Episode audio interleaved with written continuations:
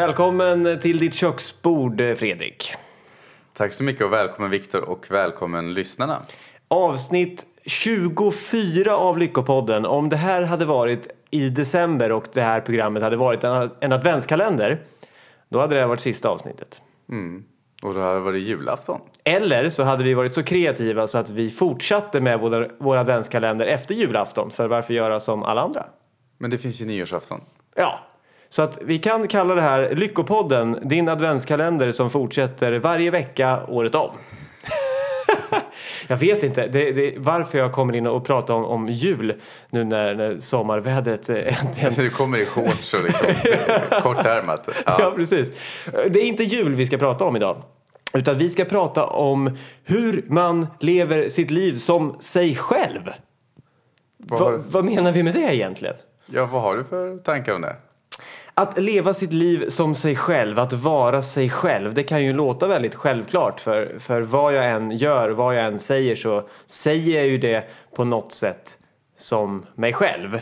Eh, och det är ju på något sätt en, en reflektion av hur jag känner mig eller vad som finns på insidan som sen uttrycks, trycks ut, uttrycks eh, just nu.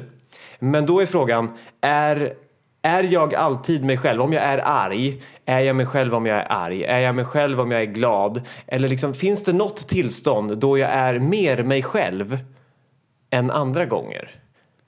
Jag skulle säga också, det finns gånger du är det, men det finns även gånger man tror att man är sig själv när man är någon annan.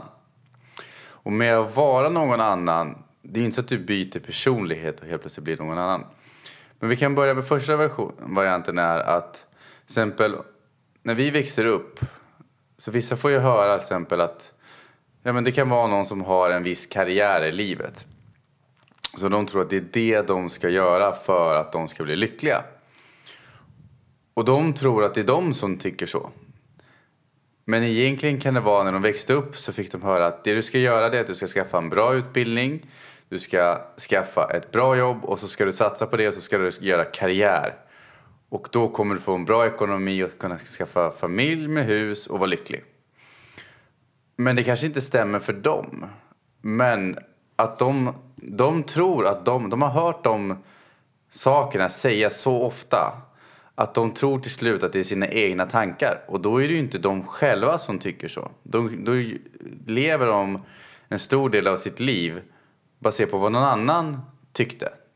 Just det. Man, man kan få en idé eh, eller en livsväg i värsta fall utstakad som man själv inte har eh, kommit in och valt på. Ungefär som att du någon gång stod i ett vägval kanske när du skulle välja gymnasieplats eller högskole universitetsutbildning och då kanske du hade en påverkan från människor runt om dig som gjorde att du valde ett visst håll eller som påverkan från statistiken över vart det finns jobb just nu exempelvis. Eller det kommer att behövas många lärare. Och då kanske någon blir lärare istället för snickare eh, för att eh, den kände att det här är nog förmodligen taktiskt en säkrare, tryggare framtid. Och just då så kanske man sökte trygghet i sitt liv för att det kändes stökigt och wobbligt och, och sådär.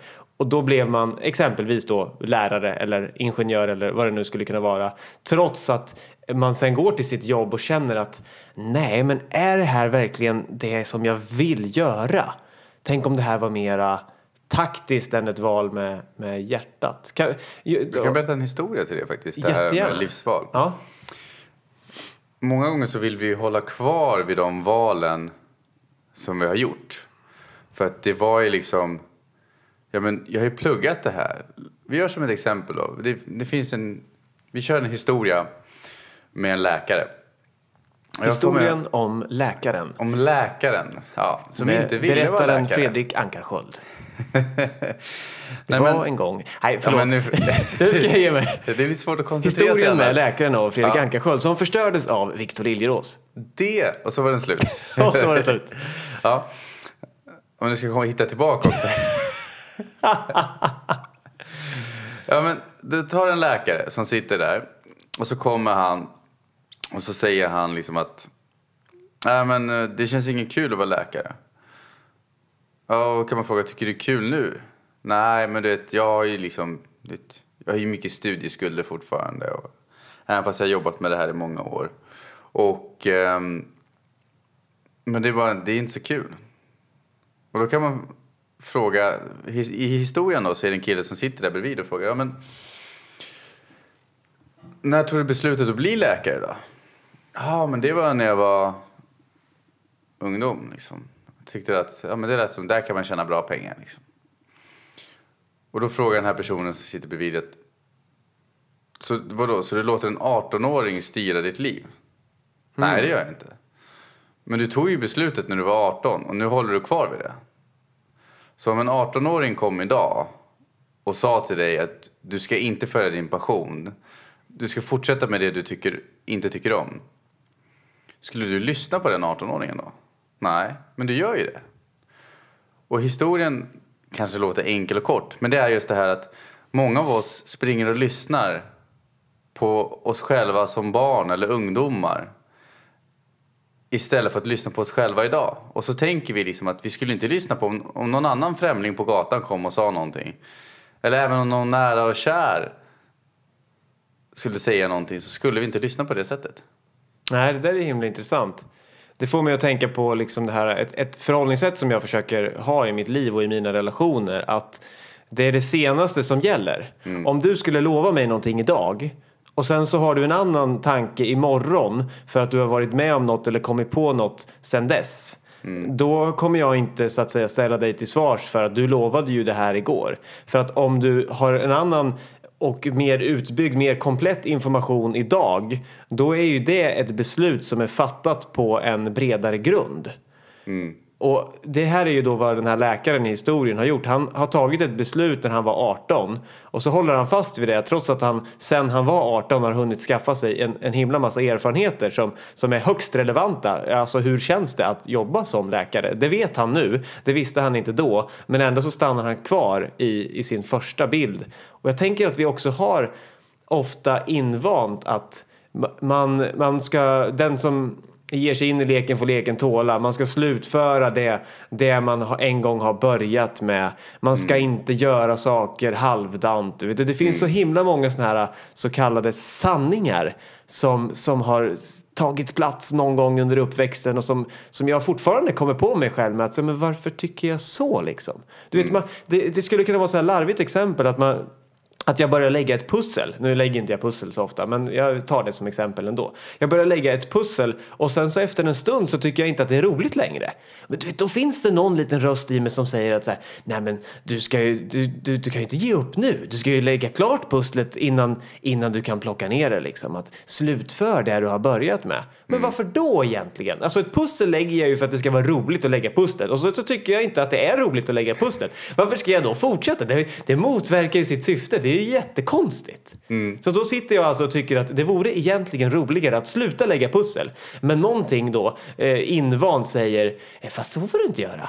Du får inte välja den lätta vägen ut. Du ska välja den svåra vägen. Du ska göra klart pusslet för att då efteråt, då kan du känna att det var en lättnad. Att ah, nu, och då fick nu du lära dig någonting genom utmaningen. Ja, precis. Du vet, och det här, det, vi, vi är ofta, eh, det, det är lätt att miss, att blanda ihop lättnad och lycka. Alltså om vi håller på och gör saker som vi egentligen inte tycker om. Säg att vi går till ett jobb varje dag som vi egentligen inte gillar. Då, när vi slutar det jobbet, alltså klockan fem eller vad det nu kan vara när jag får gå hem. Då känner jag en lättnad för att jag är klar och jag tycker att jag har varit duktig som har stått ut med något som jag inte gillar. Och då kan man fråga sig så här, ja när är du som mest lycklig på dagen? Ja men det är när jag kommer ut från jobbet. Och då säger jag, det är inte säkert. Mm. Det kanske är när du känner dig som mest lättad. Så att den här distinktionen mellan, mellan lättnad och lycka. Eh, för lättnaden är så att säga den kan bara komma efter att du på något sätt upplever att du har kanske lite off offrat dig själv eller så att säga gjort något som du egentligen inte vill och då är det en lättnad att komma därifrån. Men då kommer vi hela tiden pendla mellan lättnad och obehag i vårt liv medan vårt liv skulle kunna vara bättre än så. Mm. Eh, att vara lycka för då är du inte lättad när du får gå hem om du redan är trivs med det du gör. Ja, det är så många, vi pratade om en tidigare podcast om en undersökning och visade sig att många var lyckligare på jobbet fast de trodde att de inte var det. Mm. Men jag tror det också har med att vi människor tycker om att göra saker. Mm. Så att vi inte liksom, Och många gånger kanske vi planerar så stor del av vårt liv kring arbetet. Eller jag gör ju inte det längre, men jag har gjort det. Eh, där liksom hur mitt, min tid på jobbet, den var exakt planerad. Jag visste precis vad jag skulle göra, alla de här grejerna. Men jag hade ingen koll på mitt hem. Eller min privata tid. Och där jag kunde inte planera, använda liksom, jag hade motstånd till en kalender för då fick jag inte vara spontan. Och gud vet vad det var grejer jag hittade på. Men jag insåg istället att då vart jag ännu mindre spontan. Men jag vill tillbaka till att det här prata om barnen. Att man ska, man ska kanske inte lyssna på den här 18-åringen. Mm. Och jag vill ju lägga till en grej där. Att vi ska ju lyssna på våra barn. Men inte om deras förslag gör oss olyckliga. Alltså menar du nu våra riktiga barn eller våra så här Ja. inre barn? Ja, både inre barn och riktiga barn. Ja, Okej. Alltså att man ska ju lyssna på de yngre. För att jag har en filosofi att många gånger när människor skaffar barn så gör vi det både för att vi kan bidra till deras liv men li- till väl lika stor del hur de kan bidra till de vuxnas. Just det. Att de kan faktiskt lära sig oss någonting. Att man inte dömer dem för att ja, du, vet, du ska lyssna på de äldre för de vet vad de pratar om. Det är också en klyscha ju. För jag kommer ihåg när jag var yngre liksom, och jag kanske ville gå en annan väg. Just det här att nej men det känns ju inte rätt för mig. Men man ska lyssna på de äldre för de vet vad de pratar om. Och då har jag insett att ja, de, de kanske vet vad de pratar om i deras liv men det betyder ju inte att det passar i mitt och i den här tidsåldern. Nej. Nej, och det här jag tycker vi kommer in liksom, som det här ämnet handlar om att vara sig själv. Att det hela tiden handlar om att vi kommer alltid överösas av olika åsikter och strömningar av idéer från alla andra. Och det kan vi liksom inte vi kan inte sätta stopp för det. Vi kan säga att det vore ju skönt att, att ingen kommer och föreslår något för mig. Eller det vore ju skönt att, att inte mötas av någon information som gör att det blir svårt att veta vad som är mina idéer och vad som är någon annans idéer. Men att, att det egentligen handlar om att kunna sortera i all den här informationen och veta vad är det som resonerar i mig. Hur, hur ska vi kunna veta det? Hur ska vi kunna liksom skilja vad är min idé, vad var det jag vill från det som, så här, vad var det mina föräldrar ville? Har du någon tanke kring hur vi hittar hem där och, och på något sätt kan, kan lära oss att känna igen när det är rätt inifrån? Jag tänker när det gäller att hitta sin egen röst och vad det är så går det inte alltid att göra det. Det vill man ju inte höra som lyssnare. Förklara. Men det gör ingenting. Utan det är en del av livet liksom. För att vi har ju fått lära oss olika saker, kultur, beteenden och alla de här grejerna. Eh, Ja men hur man ska vara i sociala sammanhang kanske man har fått lära sig från andra. Men det är ju inget fel. Utan vi hjälper ju varandra som människor att utvecklas och skapa beteenden som kan vara gynnsamt för oss alla, även för mig själv. Det kan vara som när jag är bebis. Alltså jag, älskar, jag kan tycka det är så kul att sitta och kolla på videoklipp på bebisar som försöker lära sig äta. Av någon konstig anledning så sitter, alltså har jag sett flera sitter och slår sig själva med matskeden och maten i ansiktet. och då är det ju inget fel på att man har en förälder som visar en hur man äter rätt. Jag kan tänka hur det skulle se ut på dagens restauranger om vi hade fortsatt med det. Sitter en massa vuxna bebisar och slår sig själva i ansiktet med, med skeden. Ja, precis. Sitter och sover med ansiktet i tallrikarna liksom.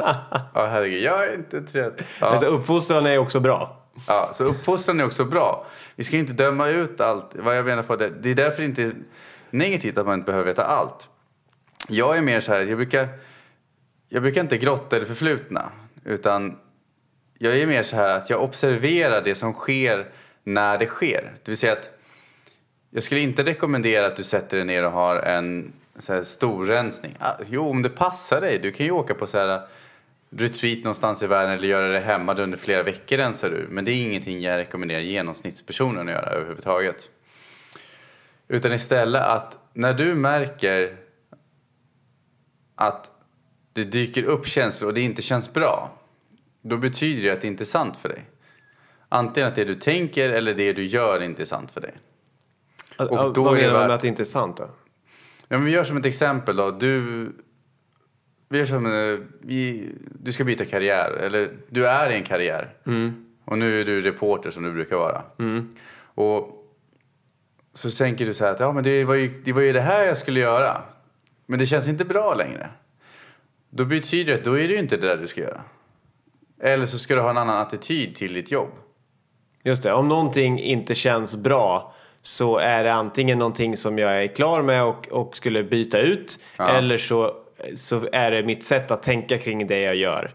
Precis. Som, som är ett sätt som inte är bra att tänka på för det gör att jag mår dåligt. Ja. Och då är ju inte de sanna för dig. Och med sant menar jag på liksom att sant är det som, alltså i ett högre syfte ska man säga då. Som känns bra för dig. För om du, det blir ju lite som att, det, om, om du ljuger då känns det ju inte bra, eller hur? Nej. Men det känns ju inte bra om du ljuger för dig själv heller. Nej, precis. Och det är därför det känns dåligt när jag gör någonting som jag egentligen inte har lust med. Men om du säger någonting som är sant till någon annan. Om vi gör- jämför så här för att jag försöker, jag håller på att träna på här hur man formulerar sant och icke Ja, sant liksom. ja. Men det är, om du berättar en fantastisk upplevelse för en person och så ljuger du rakt av genom allt. Mm. Hur känns det då?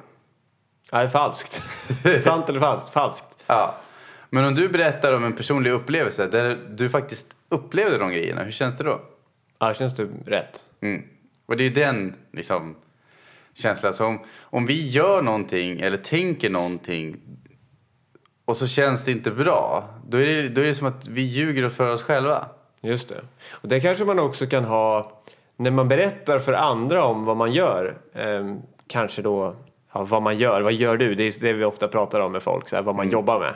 Och den känslan man har när man berättar vad man jobbar med eller vad man har för fritidsintresse. Det kanske säger någonting om hur mycket man gillar det. Om, om jag blir inspirerad när jag berättar om att du och jag gör en podd tillsammans eller om det är ett ämne som jag helst inte vill prata om. Då säger ju det någonting om, om ja, vad jag egentligen vill. Eller om en, titel man kanske vill skryta med.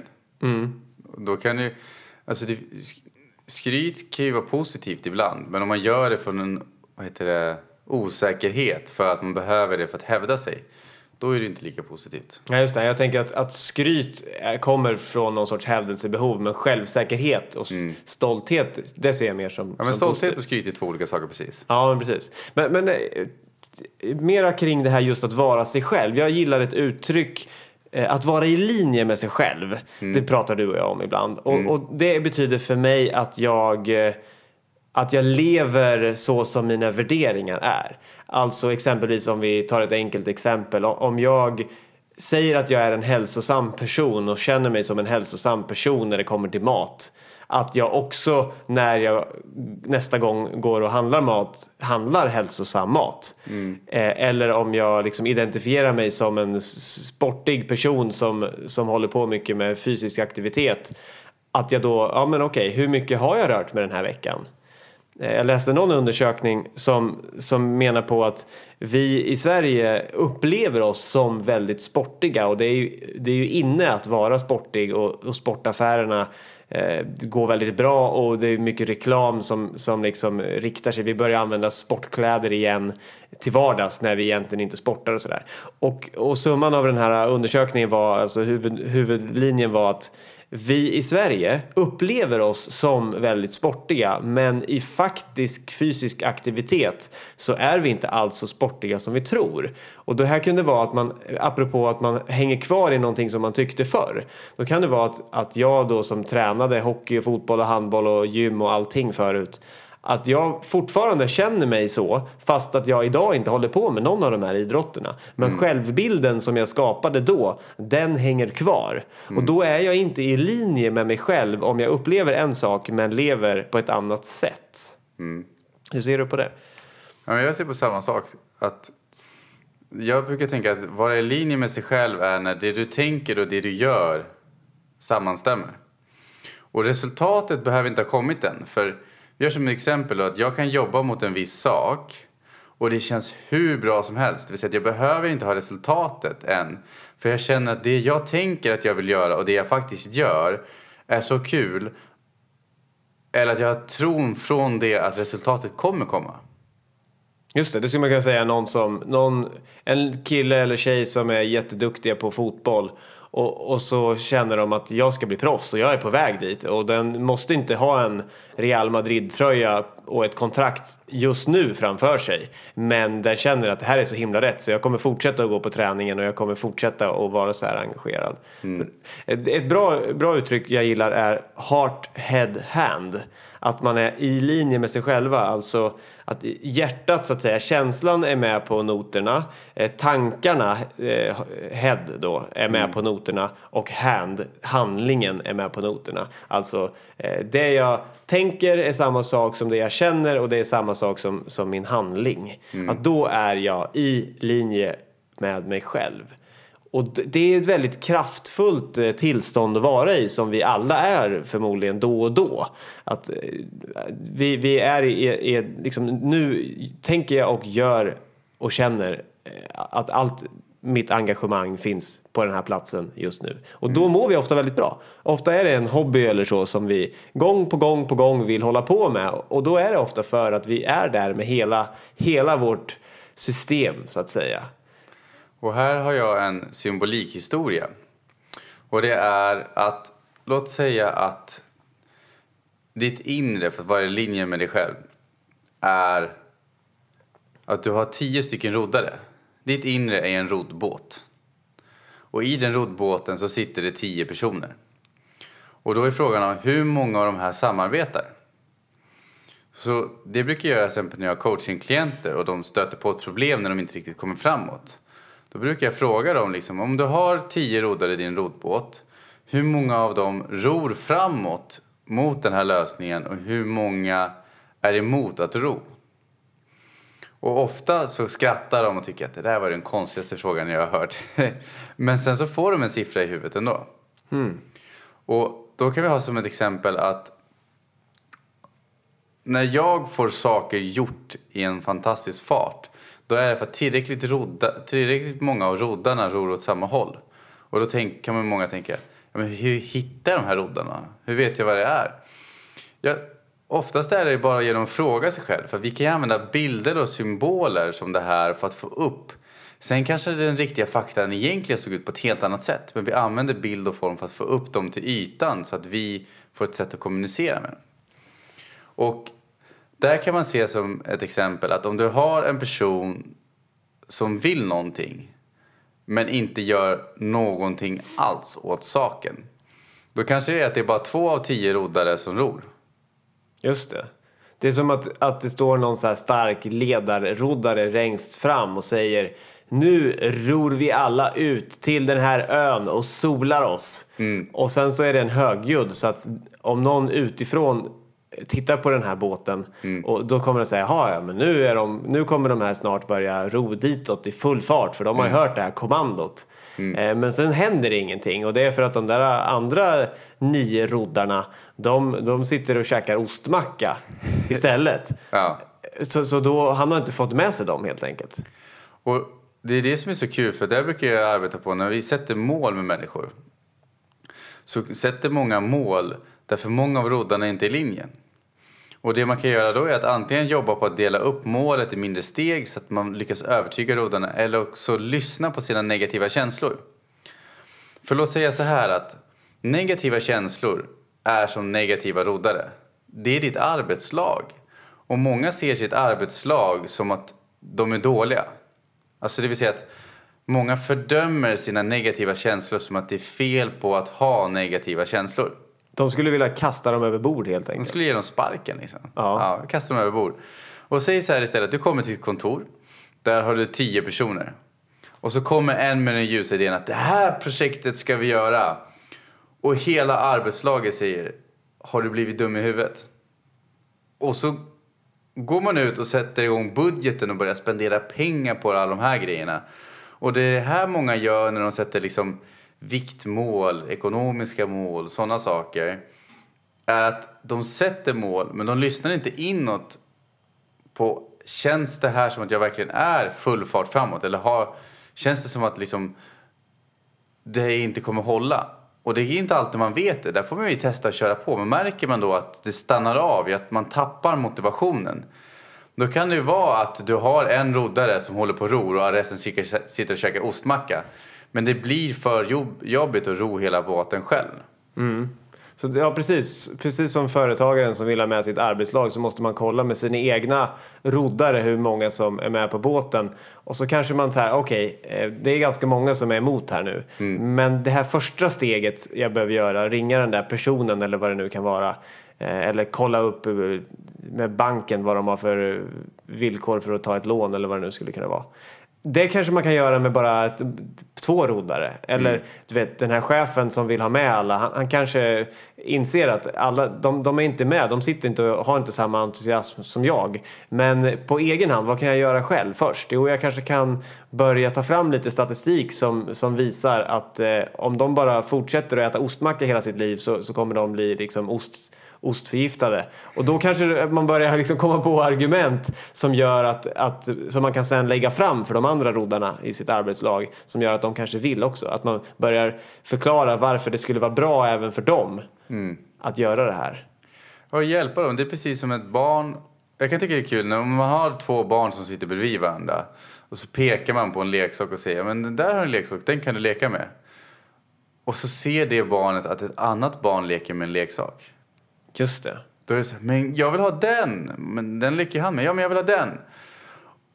För då ser ju de, istället för att vi sitter och pekar på vilken leksak som skulle vara kul att jobba med, eller leka med, så engagerar vi oss och kan man sätta sig kolla här hur man leker med det här, alltså, kolla dut, dut, liksom du vet. Och då skapas ett engagemang som väcker flera kreativa delar av en som drar med en på vägen. Vi brukar ju göra, ett sätt för att få med roddare är att roddare är rädslor också. Och många ser sina rädslor som negativa, men jag brukar istället se det som lyssna på vad rädslorna vill säga dig. Är det så att dina rädslor säger sig att ja, men jag vill inte förlora hela ekonomin, då är ju det en sund rädsla. På det sättet, men om man bara försöker förtrycka den roddaren, det är precis som att du skulle försöka mob- frysa ut någon i ett arbetslag. Den blir ju inte mer motiverad av att jobba om du fryser ut den. Ja, precis. Om det sitter någon, någon som i det här arbetslaget som när chefen presenterar en idé som säger att nej men det här kan vi inte göra. Ekonomin kommer rasa. Det här, vi, måste, vi måste kolla upp det här. Sättet att få med den personen är ju att eh, ja men nu nu Birgitta här, eh, du har ju verkligen koll på det här med ekonomin så att eh, jag vill lyssna på vad du har att säga kring det. Eh, För jag vill inte heller köra, köra företaget i botten och chansa. Utan vi sätter oss ner och tittar på det här. Och kanske har du rätt att vi inte ska göra det här för att det äventyrar ekonomin. Eller så kommer vi fram till att ja, vi har faktiskt råd. Men då är det viktigt att vi har- beslutat det så att vi slipper oroa oss. Så att det slipper vara en osäkerhetsfaktor när vi ska sjösätta vår båt så att säga. Eh, Eh, och på samma sätt med sina egna tankar, att, att, vi, att vi lyssnar på dem för att de vill ge oss bra information. Mm. Och här kan vi göra en övning för att hitta dem. Är att du tar fram ett papper och på rubriken på det pappret så skriver du hur, alltså på 0 till 10 roddare då. Hur många roddare ror mot din dröm? Ja, i fel riktning alltså. Det här Nej. mot och för, vet du. Ja, det, det. Ja, finns men någon sketch om det där. Ska du ha ett schampo mot eller för fett hår? Så eh, hitta ett annat ord om du vill slippa den. Ja, men, Hur många de- är på din sida? Ja, hur många roddare är på din sida och ror eh, I rätt riktning? i rätt riktning? Dit, okej, de ror i det, åt det hållet du vill att de ska ro då? Om man säger så då. Ja. Eh, Okej, hur många roddare ror dit du vill? ja. Eh, och då får du ut svar mellan liksom, ja, men, en till tio, hur många av dem? Eller noll kan det också vara för sen är Och sen så är det liksom, och nästa fråga är hur många roddare vill inte ro dit? Och under sen så skriver du ner vad är det de positiva roddarna vill? Och vad är det de liksom försvarande roddarna vill? Mm. Så hur många roddare ror till min fördel? Hur många ror åt andra hållet? Och sen frågar man så här, vad, hur motiverar de som är på min sida att de är med på tåget, på båten? Och, och vad de här motståndarna, hur, vad vill de säga? Vad har de för argument till att de inte vill vara med? Precis. Och jag brukar inte säga att alla är till ens fördel. Det är det här som är det för att jag har haft stunder i mitt liv där jag har tuffat på, där jag har hållit kvar vid saker jag borde ha släppt taget om för länge sedan. Men jag lyssnade på roddarna som ville framåt för mycket. Att jag inte lyssnade på de som strejkade. Alltså det, för jag hade en situation i livet till exempel, det var, jag tror säkert det var tre av roddarna rodde framåt. Men sju av roddarna gjorde inte det. Och vissa av dem var i ren slags strejk. Liksom. De satt och kastade pajer på de andra i båten till och med. Liksom. Gjorde allt. Det var nästan som de hade lust att tända eld på den. Inga ostmackor. Nej, inga ostmackor. Det där var liksom... liksom Det, det hade ballat ur mer än liksom. så Ja, liksom. och, men jag hade bestämt mig för att jag har ju sagt det här till mig själv. Så det är ju det här jag ska fortsätta på. För jag har ju lovat mig själv att den här, den här gången ska jag minsann inte byta spår igen. Just det, man ska, den som ger sig in i leken får leken tåla och Ja. man, man ska slutföra det man har börjat och allt det där. Och sen så insåg jag med tiden att men de här roddarna är ju emot för att det är inte det här jag är meningen att göra. Det finns ju andra saker som jag tycker är mycket roligare. Men jag lys- det var först när jag började lyssna på mina negativa, så kallade negativa känslor. Alltså jag, jag ser det inte som att det finns inget positivt och inget negativt. konstruktiva känslor. Vad ska vi kalla dem? Negativa känslor, det är inget bra ord egentligen. Nej.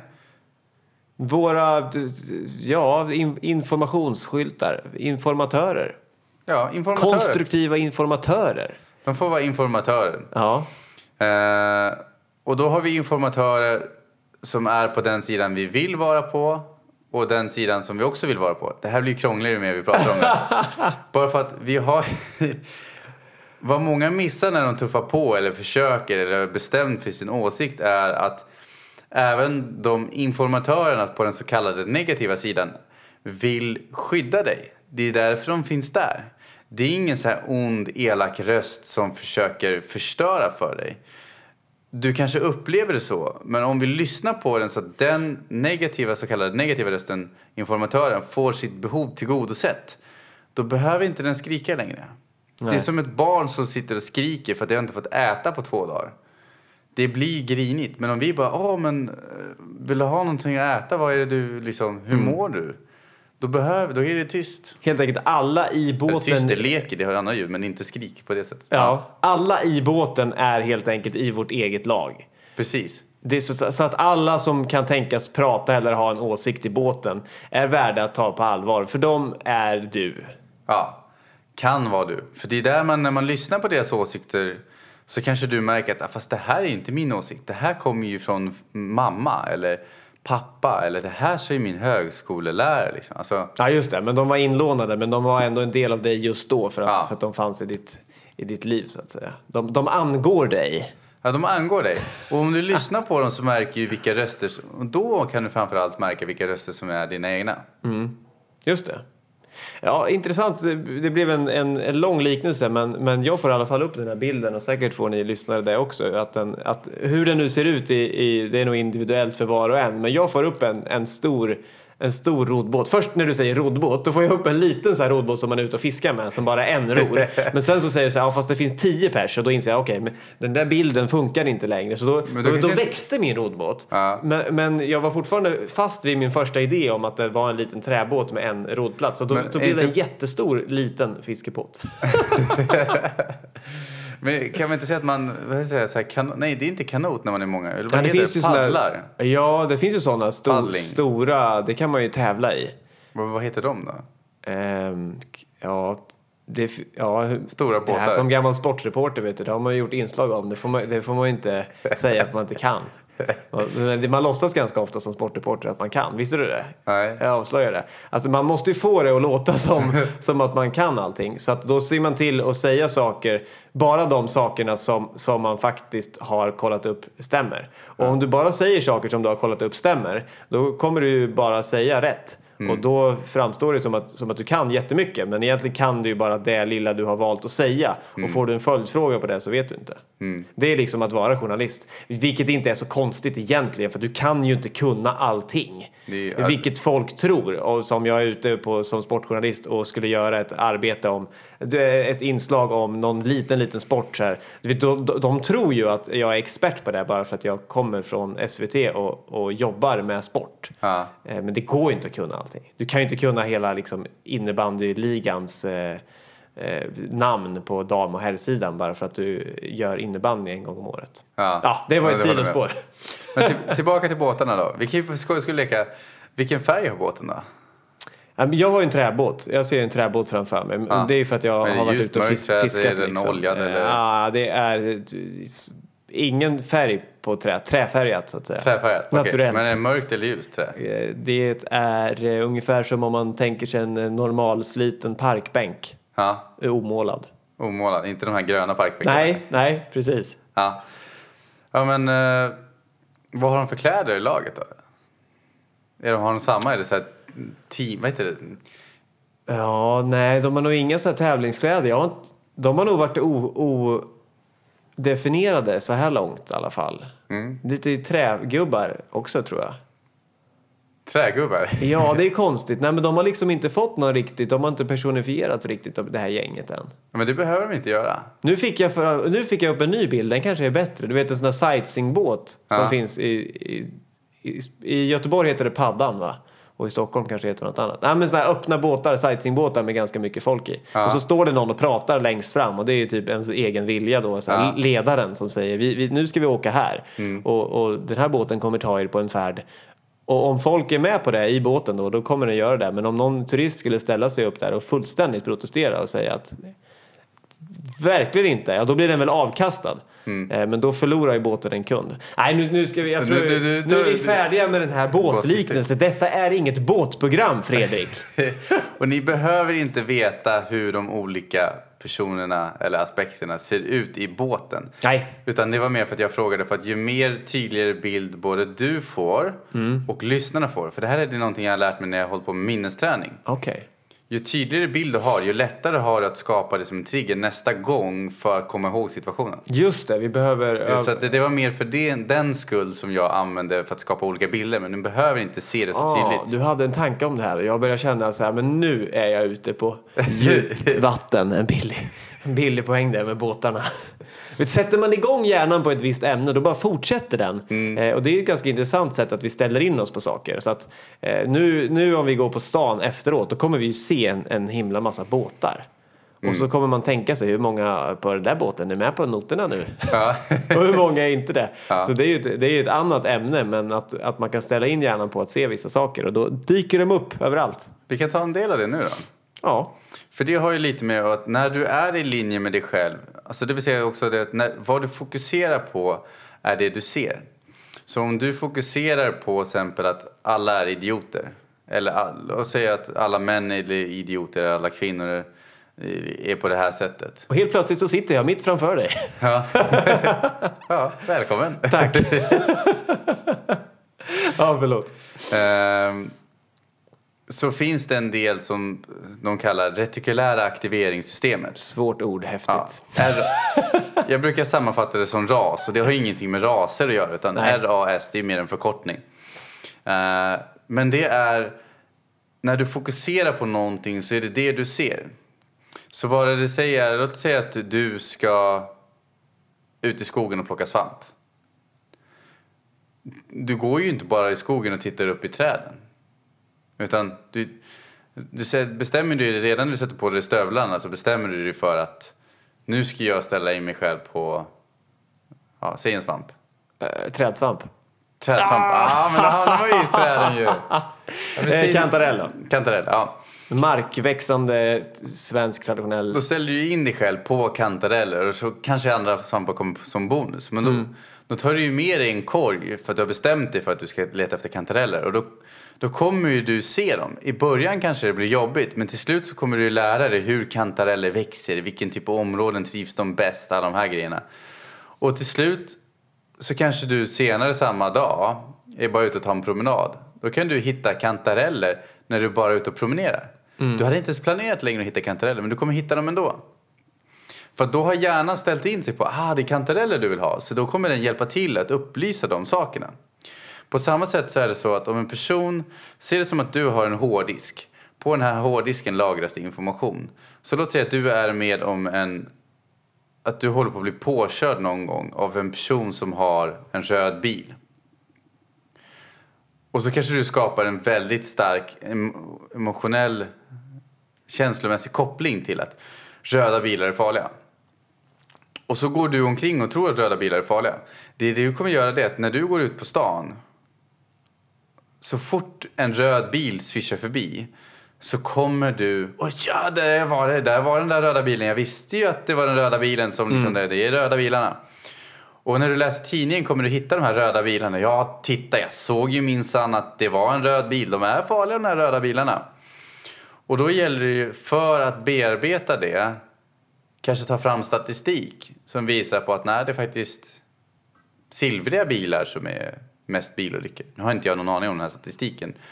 Men att man får bevisa för sig själv varför det man fast beslutade sig för inte är sant. För annars blir det ju väldigt jobbigt om varje gång man går på stan ska man gå och oroa sig för om det kommer röda bilar. Ja, det är mycket skönare att oroa sig för silverfärgade bilar.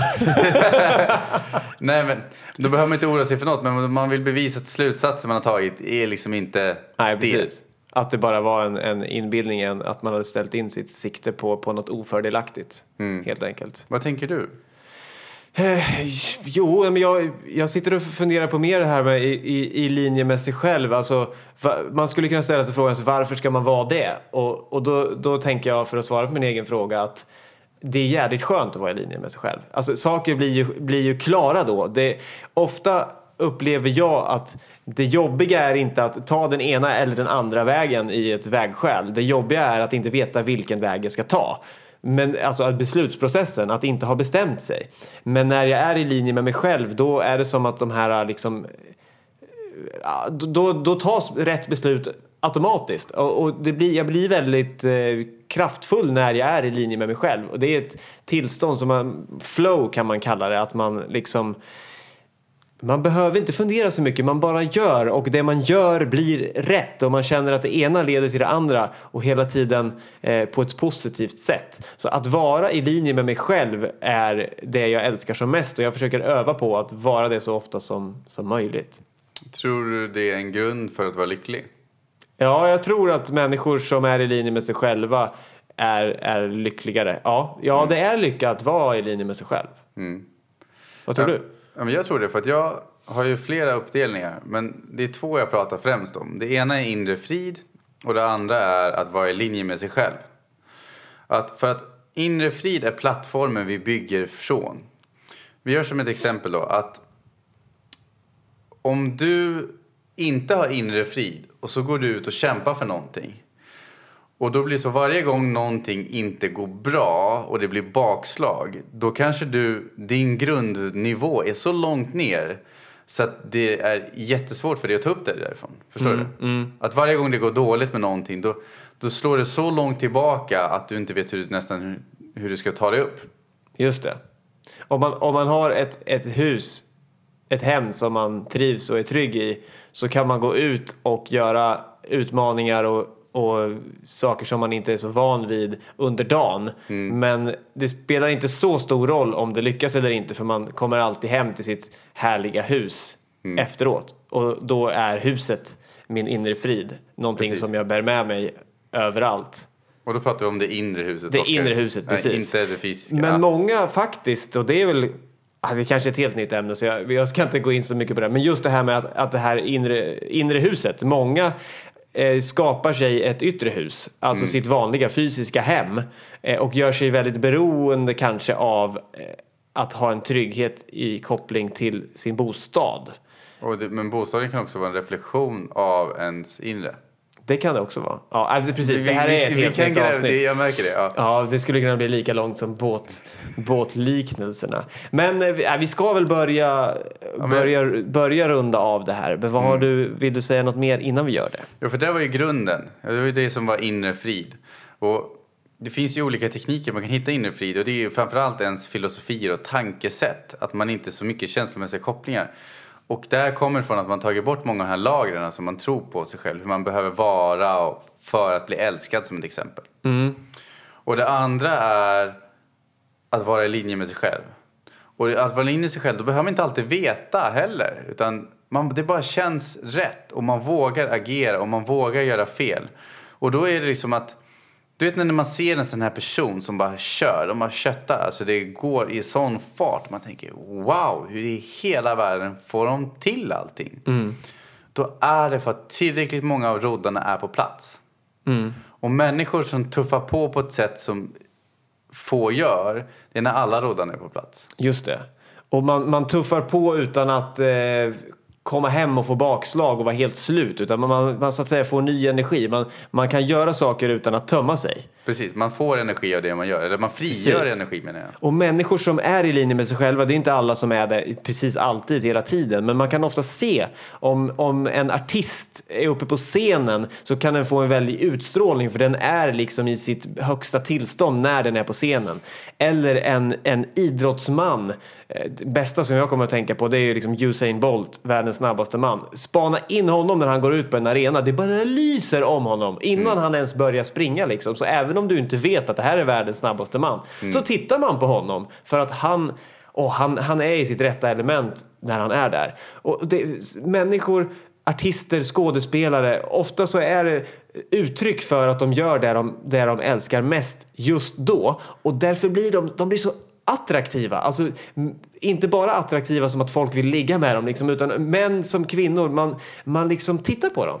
Man, fascineras av dem. Man fascineras av det. Man på något sätt vill kanske vara runt de här människorna. Och det är liksom den här stjärnglansen, star quality, att, att man är i linje med sig själv och då får man en utstrålning. Så att, ja, det är sånt som gör en vacker och snygg också. För att, för att utstrålningen är så mycket mer än bara hur man ser ut rent utseendemässigt. Så att det är häftigt med människor som är i linje med sig själva. Och där är ett häftigt tillägg då. Där kommer ju inre friden på plats. För det finns ju stjärnor som kanske lever sin passion. Men så fort de inte står på scen så kanske de tar droger och håller på med sådana grejer. Och då för att de inte har inre... Inte bara det, men en del av det är för att de saknar den här inre friden. Just det. Det var någon artist som berättade om det. Han sa att han, ha- han uppträder och publiken, du vet tusentals människor jublar och han är liksom idolen och älskad av alla.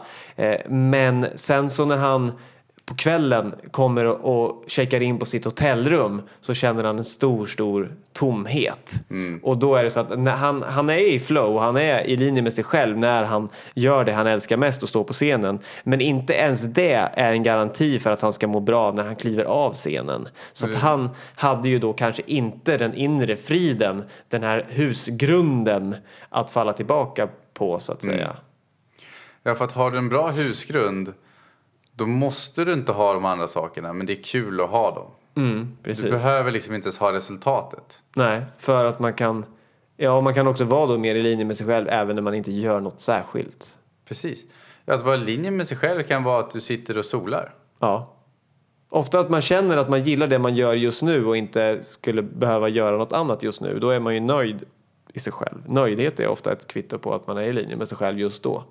Om du är på scenen så vill du inte gå av scenen just då. Om du bara sitter hemma så vill du inte, känner du inte att du måste gå till kylskåpet just nu. Eller så här. Man- är nöjd med det man gör.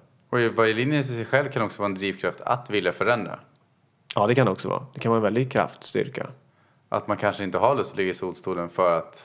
Men det är som sagt, där får ju varje människa känna vilken energi gör jag det härifrån. Gör jag det från intresse och nyfikenhet för att jag tycker att det skulle vara kul? Eller gör jag det för att jag är stressad och för att jag inte klarar av att ligga stilla? Det är ju skillnad i energin där. Just det. Ja, mycket, mycket intressant snack. Jag har varit i linje eh, med mig själv känner jag. Jag med.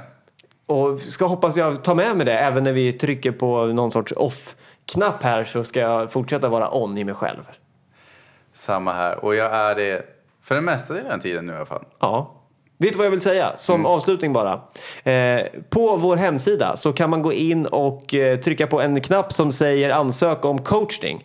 Du kan använda mig och Fredrik, eh, oftast förmodligen så, så kommer du välja en av oss. Men du kan också, om du vill, försöka boka oss båda. För enskild coachning. Mentala personliga tränare är vi och vill gärna möta er eh, och sätta oss ner och jobba med just det du vill jobba med. Så hör av dig till oss så kan vi träffas också. Det låter fantastiskt. Eller via Skype. Ja. Men det får jag tacka för idag. Ja, precis. Bara kort där.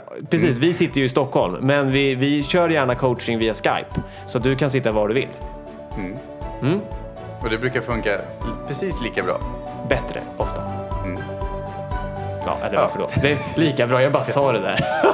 det bara kom. Okej, Tack ska ni ha. tack så mycket. hej. hej.